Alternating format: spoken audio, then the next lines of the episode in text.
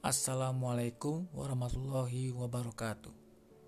Selamat datang di episode terbaru podcast saya yang awalnya berjudul Coaching with Hafzan menjadi Learning Realm.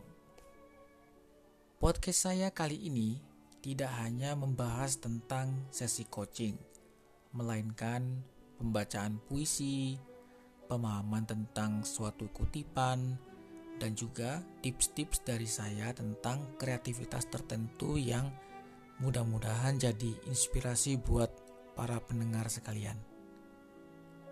Dalam episode kali ini, saya ingin membahas tentang bagaimana pengalaman saya dalam menulis puisi, sehingga hasilnya sangat bermakna dan mampu menggugah pikiran dan perasaan para pembaca saya ingin menjelaskan makna dari kutipan yang sungguh berarti bagi diri saya. Kutipan ini berasal dari salah satu motivator terkenal di mana dia memahami bagaimana seorang prajurit Sparta di masanya berlatih sangat keras sehingga ketika dia memasuki medan perang hampir tidak pernah kalah bertempur. Kutipannya seperti ini. Sweat more in training, and you will bleed less in war. Setelah berlatih cukup lama dan selalu berhasil memproduksi konten lewat media sosial, saya baru benar-benar memahami betapa pentingnya latihan lewat kutipan ini. Bahkan ada yang merekomendasikan latihan yang berdurasi 10.000 jam untuk menghasilkan kemampuan yang setingkat dengan ahli. Bruce Lee malah mengaku takut pada seseorang yang berlatih satu jurus selama ribuan kali daripada berlatih seribu kali jurus namun latihannya satu kali saja.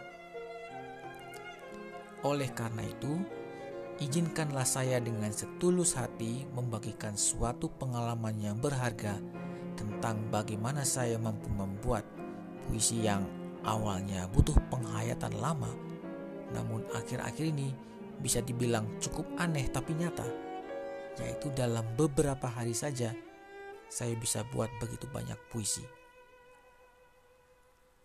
Perlu dipahami bahwa latihan menulis itu amatlah penting bagi siapa pun yang meniti karir sebagai penulis.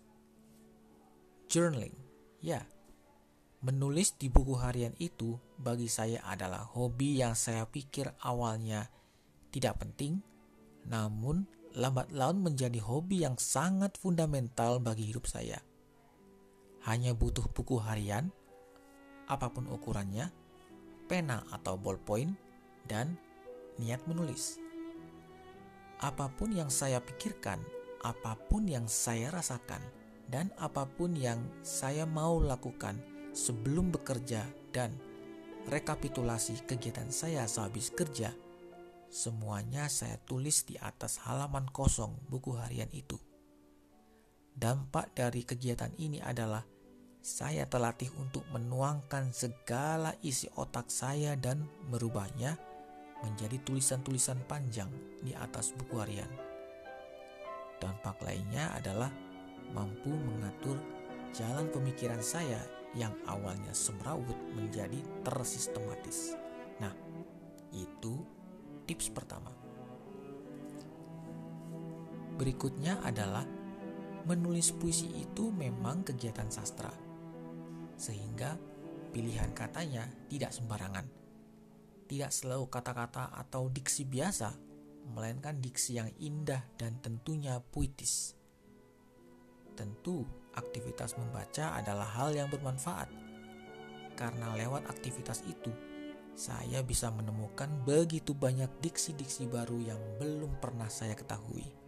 Meskipun itu bahasa Indonesia. Nah, itu tips kedua.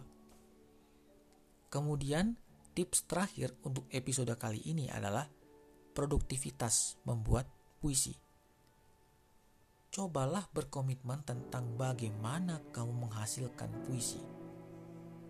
Bagi pemula, Saya usulkan satu puisi dihasilkan dalam kurun waktu satu hari. Ya, satu puisi setiap hari. Untuk lebih lancarnya sih begitu. Namun apabila itu masih sulit, maka saya usulkan apabila ada niat kuat untuk membuat puisi, maka segera lakukan meski jeda beberapa hari. Saya mengakui bahwa saya tidak serajin itu. Maka saya merasakan suatu gejolak hati yang kuat untuk membuat puisi karena baru saja mengalami suatu aktivitas yang luar biasa. Misalnya curhat dengan teman atau bahkan dicurhati oleh teman yang sedang sedih atau bahagia.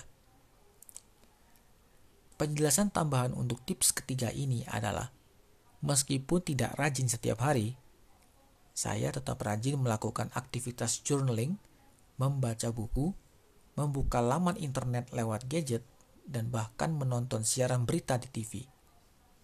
Dengan aktif melakukan itu, maka inspirasi demi inspirasi akan menumpuk dalam pikiran saya. Dan pada akhirnya, memicu saya untuk menulis puisi. Oh ya, ditambah lagi penghayatan yang cukup mendalam tentang hakikat di balik inspirasi itu. Saya memang merupakan orang yang selalu meluangkan waktu yang cukup lama untuk merenung, berkontemplasi, dan lain sebagainya.